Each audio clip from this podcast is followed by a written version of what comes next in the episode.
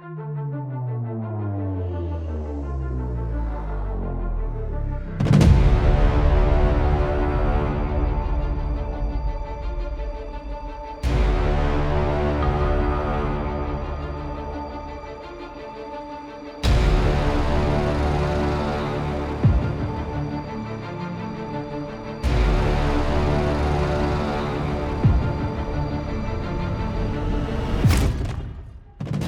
Cześć, witam na moim kanale. Ja mam na imię Piotrek i zapraszam Cię serdecznie do odsłuchania jednego z odcinków mojej audycji pod tytułem Stenogramy zbrodni.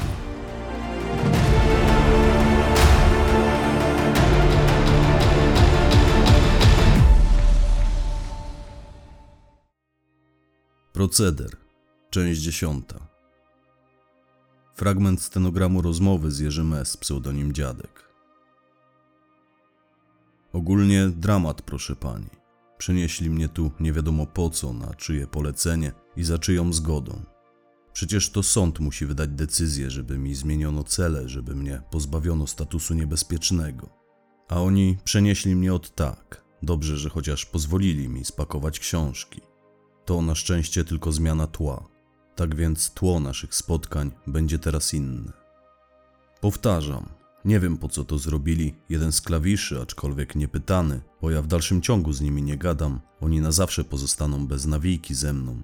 Jeden z nich rozpierdolił się, że to taki ukłon naczelnika w moją stronę. Tylko, że ja mam gdzieś wyrazy jego dobrej woli. I tak nie przestanę się z panią spotykać. Nie oni o tym decydują. Przyzwyczaiłem się do tamtej celi, ona była moja. Odmalowałem ją sobie przecież, siedziałem tam jak kura na grzędzie. Miałem połapane, kto garuje za ścianą, czy też po przeciwnej stronie korytarza. A tu nikogo nie znam. Aczkolwiek osobnik, z którym obecnie siedzę, wydaje się być w porządku. Jest teraz na spacerniaku.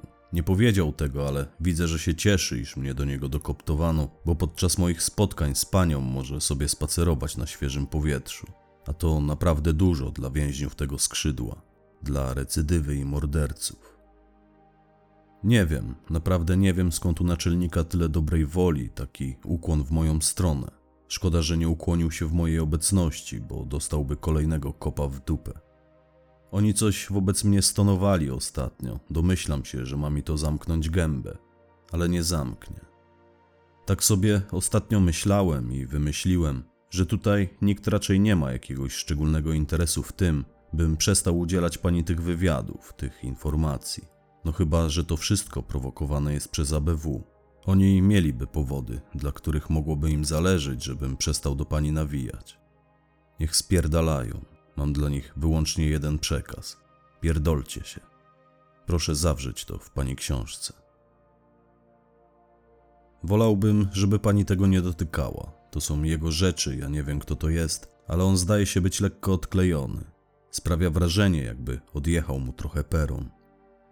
Nie chcę, by potem miał pretensje do mnie, że ruszam jego rzeczy, bo ja zabroniłem mu dotykać moich, w szczególności moich książek. I mówię, nie wiem za co siedzi. Co najdziwniejsze, chyba nikt nie wie. Udało mi się przez ścianę dowiedzieć tyle, że przenieśli go tutaj niedawno, w sumie jakoś na dniach i zaraz też mnie do niego dokoptowano. Nikt go nie kojarzy, nikt nie wie jaki ma wyrok i za co. Ale siedzi długo, widać to po tatuażach, po mordzie to widać, po stylu bycia, po gestykulacji, po gadce. Pewnie podobnie jak ja siedzi za coś grubego, bo zagadnąłem go o to, ale on przekręcił się tylko na drugi bok. Nie chciał o tym rozmawiać. W ogóle jest mało rozmowny, z reguły cichy jest jak myszka. I powiem pani, że pasuje mi to. Mogę sobie w jego obecności w spokoju czytać książki. Jeszcze w areszcie siedziałem przez chwilę z typem, co jadaczka mu się nie zamykała i musiałem sam mu ją w końcu przymknąć. Także ten typ jest nawet w porządku. Nie wchodzimy sobie w drogę, zauważyłem nawet szacunek do mnie z jego strony. Potrafi się też zachować przy miejsce.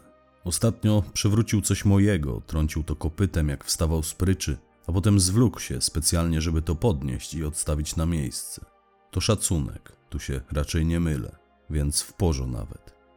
Nie będę przecież robił z siebie durnia, nie będę składał zażaleń, że mnie tu przeniesiono. W momentach pełnej chujni będę miał do kogo otworzyć jadaczkę, do tego wygodniej się tu siedzi, bo tu jest sporo cieplej niż było u mnie. No i sama cela jest sporo większa. wolniej mi tu przyjdzie zwariować. Więc widzę tej sytuacji tylko same plusy, ale ze spotkań z panią oczywiście nie zrezygnuję. Choćbym już jutro miał wrócić do tamtej ciemnicy, to doprowadzimy to do końca. Niech ta książka trafi na półki, niech świat pozna prawdę o Lutym i jego bandzie. Tomasz S. i jego banda. Taki tytuł nosił jeden z artykułów w gazecie świdnickiej, a fotografia, którą w nim zamieszczono, pochodziła z policyjnych archiwów, aczkolwiek prędzej z archiwów ABW, i było na niej widać naszą ferajnę, jak wychodzimy z restauracji w Nowym Jorku. Zabraliśmy tam kiedyś swoje żony i dziewczyny, zachciało nam się Ameryki, zamarzyło posmakować wielkiego świata, zobaczyć Hollywood i Wielki Kanion. Chcieliśmy po prostu poczuć, że żyjemy. I kiedyś pojawiła się w tej gazecie fotografia, nasza, zrobiona nam z ukrycia. Widniały na niej nasze kobiety w pięknych sukniach, w kapeluszach, bo to była taka fancy restauracja, taka denta, na Manhattanie. My byliśmy w smokingach, ja z lutym trzymaliśmy w mordach cygara, bo po jedzeniu lubiliśmy zapalić kubańskie cygaro. Zresztą ja dalej lubię. Wszyscy byliśmy uśmiechnięci, zadowoleni. Wyglądaliśmy jak jakaś amerykańska śmietanka, jak ludzie z ferajny a la Capone. Bawiliśmy się wtedy doskonale. Ja byłem wówczas z taką Izabel, którą poznałem w Salwadorze. I od momentu, jak ta fotografia wypłynęła z naszych akt i pojawiła się w gazecie, jest to moja ulubiona fotografia. Wisi u mnie nad pryczą. Widziała ją pani? Prawda, że ładne to zdjęcie? Wszyscy uśmiechnięci, zadowoleni z życia. Narzeczona figury z ciążowym brzuchem, sowa ze swoją. Luty trzyma Olgę w uścisku, a ja za rękę z Izabel. Jakbyśmy pozowali do tego zdjęcia, natomiast zupełnie tak nie było. Zrobił je potajemnie jakiś agent, w momencie kiedy już węszyli nam wokół dupy i latali za nami po świecie. O ile sobie przypominam, ta fotografia była zrobiona, gdy kończyło się nasze szczęście, a zaczynały problemy. Tak, już niedługo później zaczęły nas trapić poważne problemy. Fragment stenogramu rozmowy z Robertem D., pseudonim Figura. Dziadek niech nie opowiada pierdół, bo to były piękne czasy i trwały jeszcze dość długo. Latami ciągle gdzieś wyjeżdżaliśmy, jak nie po koks, to w ciepłe kraje, odpocząć, powydurniać się, posmakować życia, zobaczyć coś więcej ponad ten łez padł. Był okres, że urzędowaliśmy praktycznie poza granicami Polski. Rzadko było nas widać w Świdnicy, no chyba, że przywieźliśmy akurat towar Darkowi. Stresu było sporo, dużo nerwów, człowiek musiał to odreagować. No i po to się zarabia, żeby wydawać. Co, do grobu miałbym sobie wziąć te pieniądze? Albo do więzienia, gdyby nas schwytano? Czy może tutaj miałyby mi się przydać? Niech się pani dokładnie rozejrzy, gdzie jesteśmy. Tu nie trzeba pieniędzy, tu one nikomu się nie przydadzą, a z pewnością nie takie, jakimi wówczas dysponowaliśmy. Oczywiście gotówki nie trzymaliśmy w bankach, tylko kto gdzie mógł. Ja sporo rozdałem ludziom, naprawdę. Sporo rozdałem po rodzinie. A co miałem robić z tymi pieniędzmi? No co, trumnę miałbym sobie tym wyściełać? Mówię, miałbym zabrać je do grobu. Trwoniliśmy na zbytki, dosłownie rozrzucaliśmy tę kasę. Luty utrzymywał klub bokserski, w którym niegdyś trenował. Dziadek utrzymywał swoje kobiety, ja rodzinę, bliższą i dalszą. Sowa większość tego, co zarobił, przegrał w kasynach. No co mieliśmy robić z tą gotówką, jak nam tego zalegało w mieszkaniach całe worki? Osobiście próbowałem coś tam poinwestować, ale nie miałem do tego głowy, tak jak na przykład Luty z Olgą. Oni przynajmniej wybudowali sobie piękny dom. A w przeciwieństwie do Lutego nie miałem żony ani dzieci, więc żyłem z dnia na dzień. I powiem pani, że było pięknie. Nawet dzisiaj jest pięknie, bo wiem co przeżyłem, mogę wracać do tego pamięcią. Nie jak mój ojciec, który 40 lat przejebał w fabryce, a w końcu zmarł na raka. Nie jak moja matka, której do momentu, gdy ja nie zacząłem znosić do domu prawdziwych pieniędzy, ręce trzęsły się jako szalałe. Być może nie byłoby jej dzisiaj wśród żywych, gdyby nie to, że wywiozłem ją do Austrii, do kliniki, gdzie zajęli się nią najlepsi specjaliści, gdyby nie to, że wydałem na jej leczenie z pół miliona dolarów. A teraz jest szansa, że ona nawet mnie przeżyje. I życzę jej tego z całego serca, w sumie stanowi dziś całą moją rodzinę. Mam też jeszcze trochę pieniędzy, ale co mi po nich? Zdrowia już za nie nie kupię. Gdzie jeździliśmy? Proszę pani, długo by wymieniać. Chyba wszędzie. Tych wyjazdów, tych wypoczynkowych odbyliśmy dosłownie ze sto. Dziadka ominęło kilka, ale mnie najbardziej podobało się i wiem, że jemu też na Kubie, na Dominikanie i w Tajlandii. I powiem pani taką ciekawostkę. Spaliśmy kiedyś na Malediwach w takich bungalowach na wodzie. Kupę forsy to kosztowało, wydaliśmy niemały majątek, bo pojechaliśmy oczywiście całą paczką i to na trzy tygodnie, a do tego luty z dzieciakami. I powiem pani, że w tych bungalowach, w tych domkach na wodzie, to myślałem, że mnie szlak trafi. Po trzech dniach uciekliśmy na wyspę. Tam się nie dało spać, nie dało się zasnąć przy dźwięku tych fal, które obijały się o podpory tych domków. Było tam mega luksusowo, nasze bungalowy były położone w sąsiedztwie bungalowu premiera Czech, to znaczy on tam był wtedy, też wynajmował. Podglądaliśmy go przez lornetkę, dopóki jego ochrona się do nas nie dojebała, ale mówię, fajnie to się tam wypoczywa na zdjęciach. Na trzeźwo nie da się zasnąć w tym luksusie. Fale tak tłukły o te belki, że musieliśmy uciekać na ląd. Dlaczego dziadka co nieco ominęło? Bo doznał poważnej kontuzji złamał w pewnym momencie nogę, zresztą na własną prośbę. Żebym mógł o tym pani opowiedzieć, musiałbym szybko powiedzieć pani historię tej jego Izabel. To była Kolumbijka, ona miała ze 22-23 lata wtedy.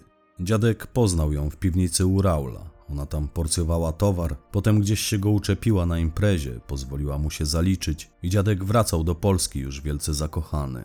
A z czasem zupełnie mu za nią odbiło. Jak jechaliśmy po towar, to on jej przywoził z Polski prezenty. Tylko, że każdy z nas wiedział, że ona prędzej czy później skończy w rynsztoku. Ona najpewniej też zdawała sobie z tego sprawę. I być może dlatego zaczęła prosić dziadka, żeby ją stamtąd wyciągnął. I on głupi poszedł prosić pan Dileros o możliwość jej wykupienia. Pamiętam, że zarówno Carlos, jak i Raul nawet nie chcieli o tym słyszeć. Wszystko jednak zmieniło się po imprezie, na której Carlos wyłapał kulkę. Tam w Salwadorze od jakiegoś czasu tą willą zajmowała się taka Ramona. Ona była Słowenką, kiedyś ktoś przyjechał z nią do Salwadoru po towar, nie miał wystarczająco dużo pęgi, więc oddał ją w komis. I nie wiem, czy potem jej nie odebrał, czy jej się zwyczajnie tam tak spodobało, ale ona została w Salwadorze. Rozećpała się przy tym, rozpiła i roztyła. W końcu trafiła do burdelu, ale miała charyzmę, miała sporą siłę przebicia. Została tam nawet w pewnym momencie burdelmamą. Potem jakimś cudem zahaczyła się willi Raula, ale już jako sprzątaczka. Z czasem objęła tam funkcję gospodyni. To była herszt baba, nie pozwalała sobie w kaszę dmuchać, bez ceregieli rozstawiała po kątach zarówno pandileros, jak i ich klientów, czyli nas. Oni autentycznie chyba się jej bali, bo wykonywali jej polecenia bez szemrania. Gdy byliśmy tam pierwszy raz, jej wówczas jeszcze nie było, poznaliśmy ją ze dwa lata później. Aczkolwiek poznaliśmy to dużo powiedziane, bo ona z nami nie rozmawiała, warczała tylko na nas i gdy jej coś nie pasowało, to chlastała nas brudną szmatą. Najbardziej nie lubiła, jak się jej zaglądało do garów przed posiłkiem. I była impreza w willi. Dziadek bawił się z tą swoją Izabel. Oni się po raz kolejny żegnali ze sobą, bo ona pracowała tam już piąty miesiąc chyba, a żadna z dziewczyn nie pracowała tam nigdy tak długo, więc spodziewali się pewnie oboje, że każde ich spotkanie mogło być ostatnim. Carlos trzymał ją tak długo przy życiu chyba tylko dlatego, że Luty go o to poprosił. Żeby dziadkowi nie robić przykrości, poprosił pan Dileros, by nie pozbywali się jej tak długo, jak się da. Wykupić się jej nie udało, bo nie było takiej kwoty, która zrobiłaby na pan Dileros wrażenie. Dla tych ludzi, proszę pani, pieniądze to był tylko papier. Oni robili to, co robili, wyłącznie z motywowanej kulturowo potrzeby przynależności do gangu. I za nic mieli życie jakiejś dziewczyny od pakowania towaru. No i była pewnego razu impreza, trwała dwie doby. W końcu w salonie zjawiła się Ramona ze szmatą przewieszoną przez ramię i z odkurzaczem. Zaczęła się drzeć, że mamy kończyć, bo narobiliśmy bałaganu, z jakim ona nigdy nie dojdzie do ładu. A Carlos, który miał giwerę za paskiem przy jajach, wdał się z nią w dyskusję. W pewnym momencie ona ze złości aż się zrobiła różowa i pomimo tego, że wcale nie zamierzaliśmy skończyć, ona zaczęła tam odkurzać. Była obawa, że wciągnie nam w rurę towar, którego sporo zalegało na stoliku.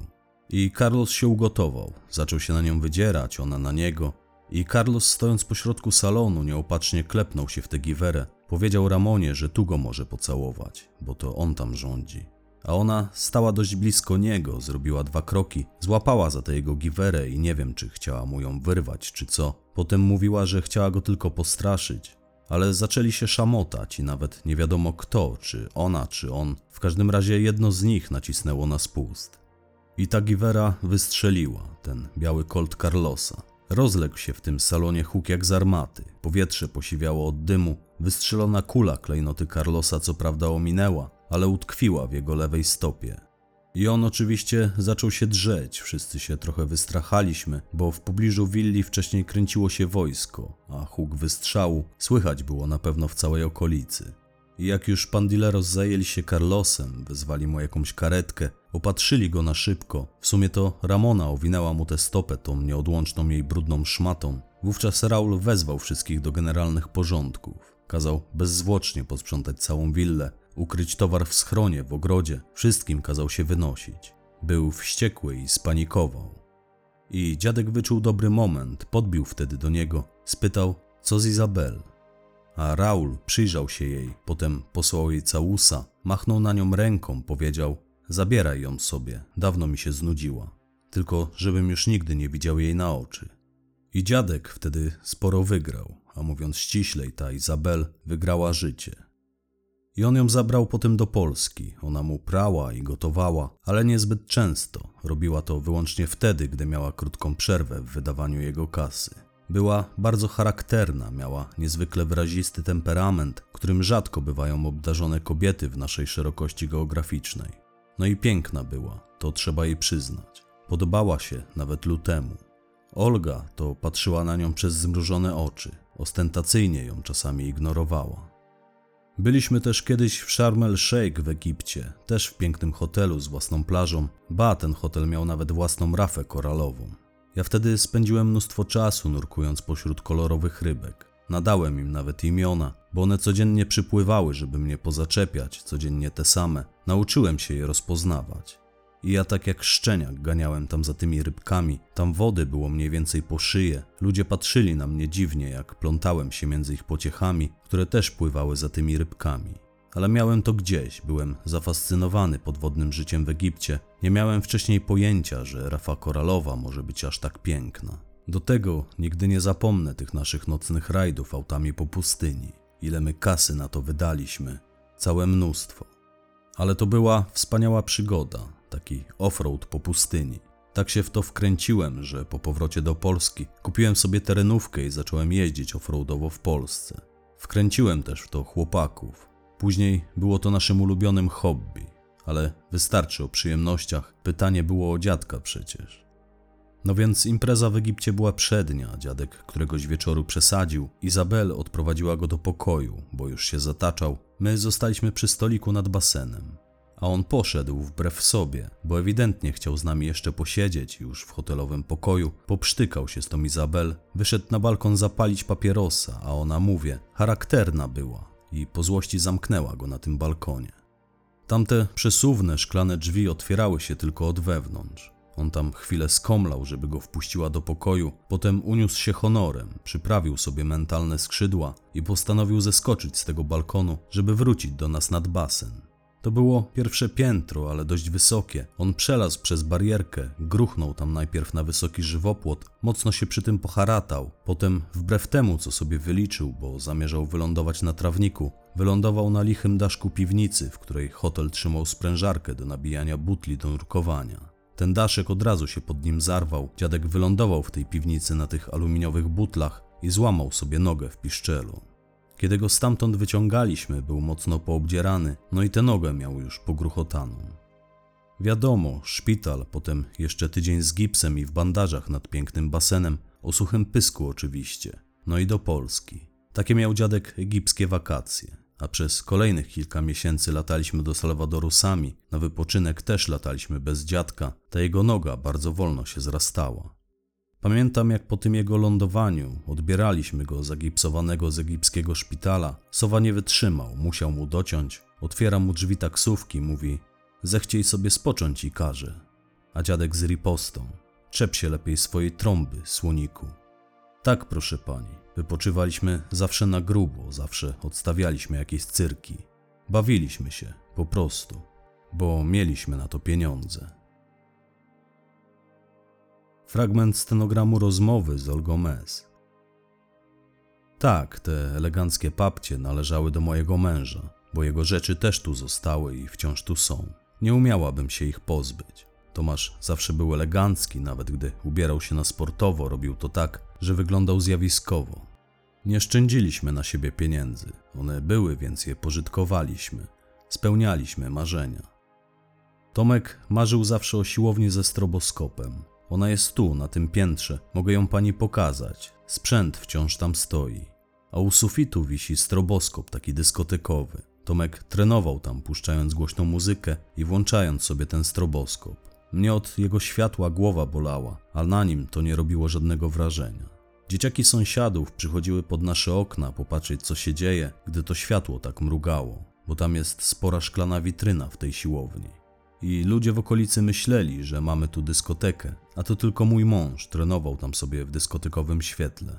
On zawsze dbał o siebie, był wysportowany. Lubiłam na niego patrzeć, jak zwisał bez koszulki głową w dół na drążku i robił te swoje brzuszki, albo jak obwiązywał dłonie taśmami i boksował.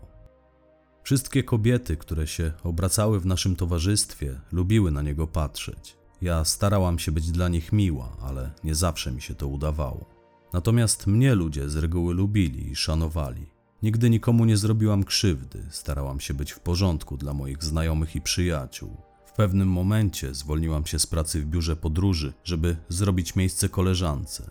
Kryzys był, o pracę było ciężko, a mnie niczego nie brakowało. To wspaniale mieć ten komfort, że można nie pracować. W piwnicy znajduje się niewielka sala kinowa dla 10 osób z barem i bilardem, a w spiżarni, która znajduje się w ogrodzie, tam stoi taki murowany grill, obok niego murowana spiżarnia. Tomek miał swoją suszarnię warzyw i owoców. Nie wiem, czy nie obraziłby się na mnie za to, że o tym pani mówię, ale on miał takie swoje hobby. Suszył warzywa i owoce, przechowywał je w słoikach. One tam wciąż powinny być. Jeśli pani zechce, to pójdziemy do ogrodu, pokażę pani tę spiżarnię. Tam powinno stać ze sto pełnych słoików. Tylko ja wiem o tym i nasze dzieci. No tak miał, po prostu. Każdy facet powinien mieć jakieś hobby, a Tomek miał kilka, w tym właśnie takie. Trzymał je w tajemnicy, żeby chłopaki się z niego nie śmiali. Tak, może pani o tym napisać. Dzisiaj nikomu to już nie zrobi różnicy. Fragment stenogramu rozmowy z Robertem D., pseudonim Figura. Potem faktycznie nastąpił taki okres, gdy zaczęły sypać nam się na głowę problemy. Wszystko zaczęło się od spadku zapotrzebowania na nasz towar, a tym samym uszczupliły się nasze przychody. Pojechaliśmy spotkać się z Darkiem, żeby to wyjaśnić, żeby się dowiedzieć, dlaczego zalega nam z kasą i coraz rzadziej pyta o nowy towar. I on powiedział, że z jakiegoś powodu zmniejszyła nam się liczba klientów. Pytamy go, ale z jakiego powodu? A Darek stwierdził, że nie wie, ale że działa w tym temacie, by się tego dowiedzieć. I my postanowiliśmy też się tego dowiedzieć na własną rękę. Popytaliśmy wśród ludzi, co jest nie tak, że spadło zapotrzebowanie na koks. I jeden ze znajomków zapodał nam info, że w ostatnim czasie kilka osób zatruło się koksem, w sumie to naszym towarem, bo innego wtedy na rynku nie było. Stąd też poszła fama, że to dziadostwo i żeby go nie brać. Wkurwiliśmy się, nie powiem. Nie po to tyle ryzykowaliśmy, żeby ktoś nam psuł reputację. Swoimi kanałami dotarliśmy do ludzi, którzy się przytruli. Zamierzaliśmy wyciągnąć od nich informacje, od kogo nabyli towar. Liczyliśmy na to, że poruszając się po nitce do kłębka, ustrzelimy jakiegoś gnoja, który miksuje nasz koks z jakimś świństwem. Oczywiście nie mieliśmy złudzeń, że towar trafia na rynek tak czysty, jakim go przywoziliśmy. Wiedzieliśmy, że osiedlowi handlarze i tak go miksują, żeby zwielokrotnić swoje zyski, ale co za dużo, to niezdrowo. Mówię, ciężko pracowaliśmy na swoją reputację, nie mieliśmy zamiaru pozwolić się komukolwiek z niej okradać. Potem dorwaliśmy na mieście kilku ludzi, którzy zajmowali się dystrybucją naszego towaru. Wprost na ulicy spuściliśmy im ostry pierdol. I co zaskakujące, oni jak jeden mąż wyznali, że wiedząc od kogo ten towar pochodzi, nigdy by się nie podjęli miksować go z jakimś syfem. Więc podążając po nitce do kłębka, kazaliśmy im przynieść nasz świeżo odebrany towar od Darka, chcieliśmy go skontrolować. I to, co oni nam wtedy przynieśli, stało się zarzewiem naszego konfliktu z Darkiem. To był nasz towar, oryginalnie zapakowany, bo Darek nabrał takiego zwyczaju, że pakował go w papierki po cukierkach.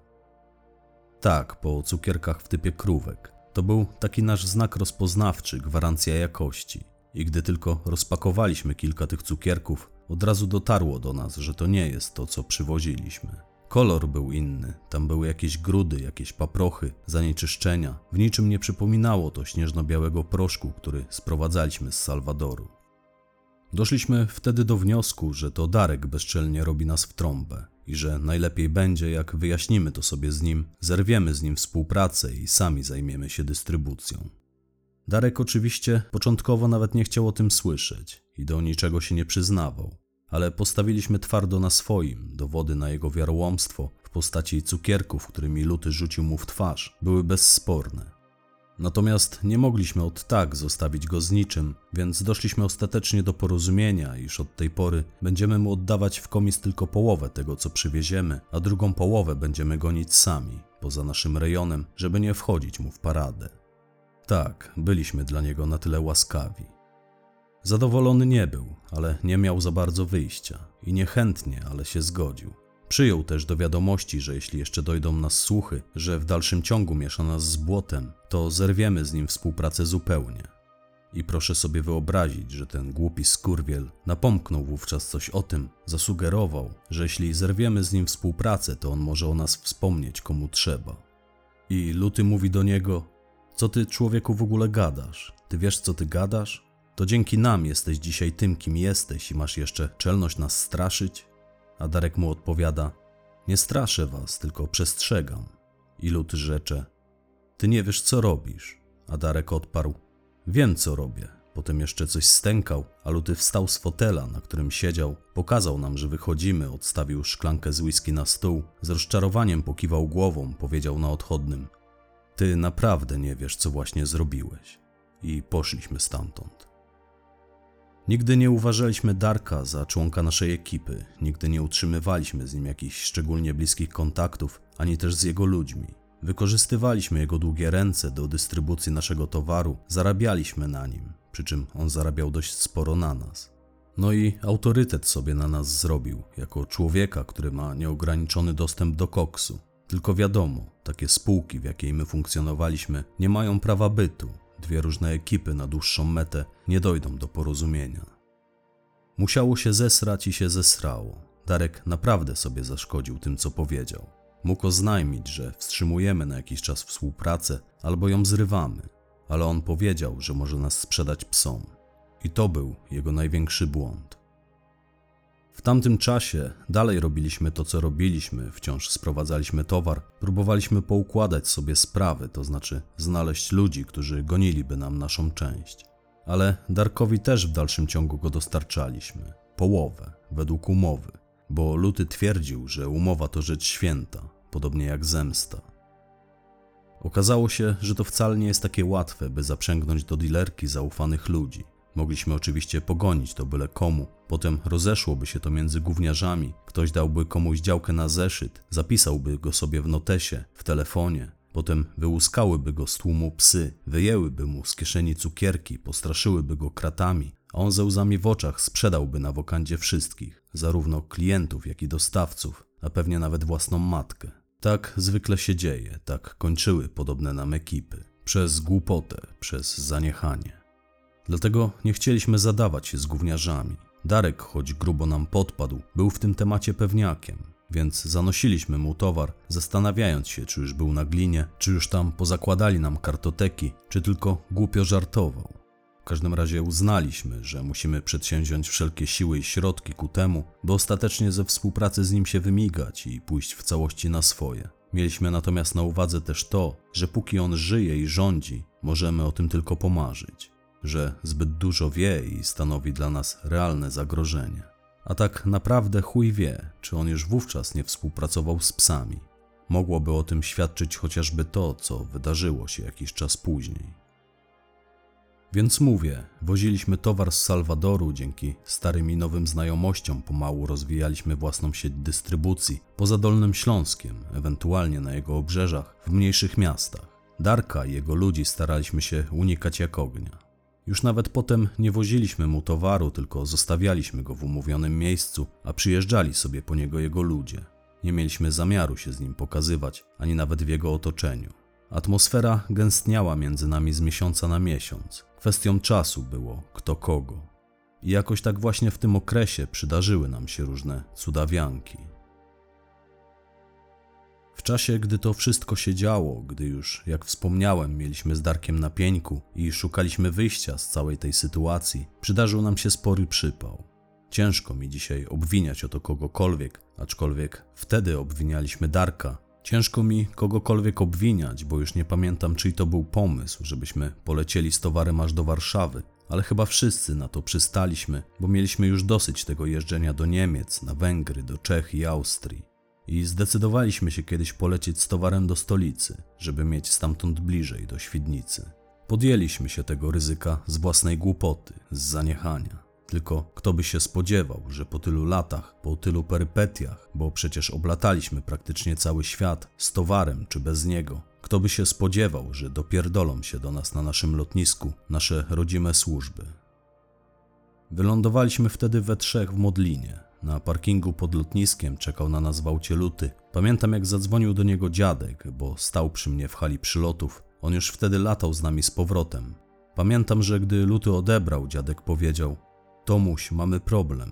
My przeszliśmy, ale Straż Graniczna zawinęła sowę. I pamiętam, że słyszałem w komórce dziadka, jak Luty pyta: A co z jego walizką? Co z towarem? I dziadek odpowiada takim łamiącym się głosem, bo obaj byliśmy wtedy w głębokim szoku spowodowanym tym, na co patrzyliśmy. I mówi do Lutego: No kurwa, zgadnij co z towarem. Poza tym zacznij martwić się o sowę, bo właśnie zakładają mu kajdanki.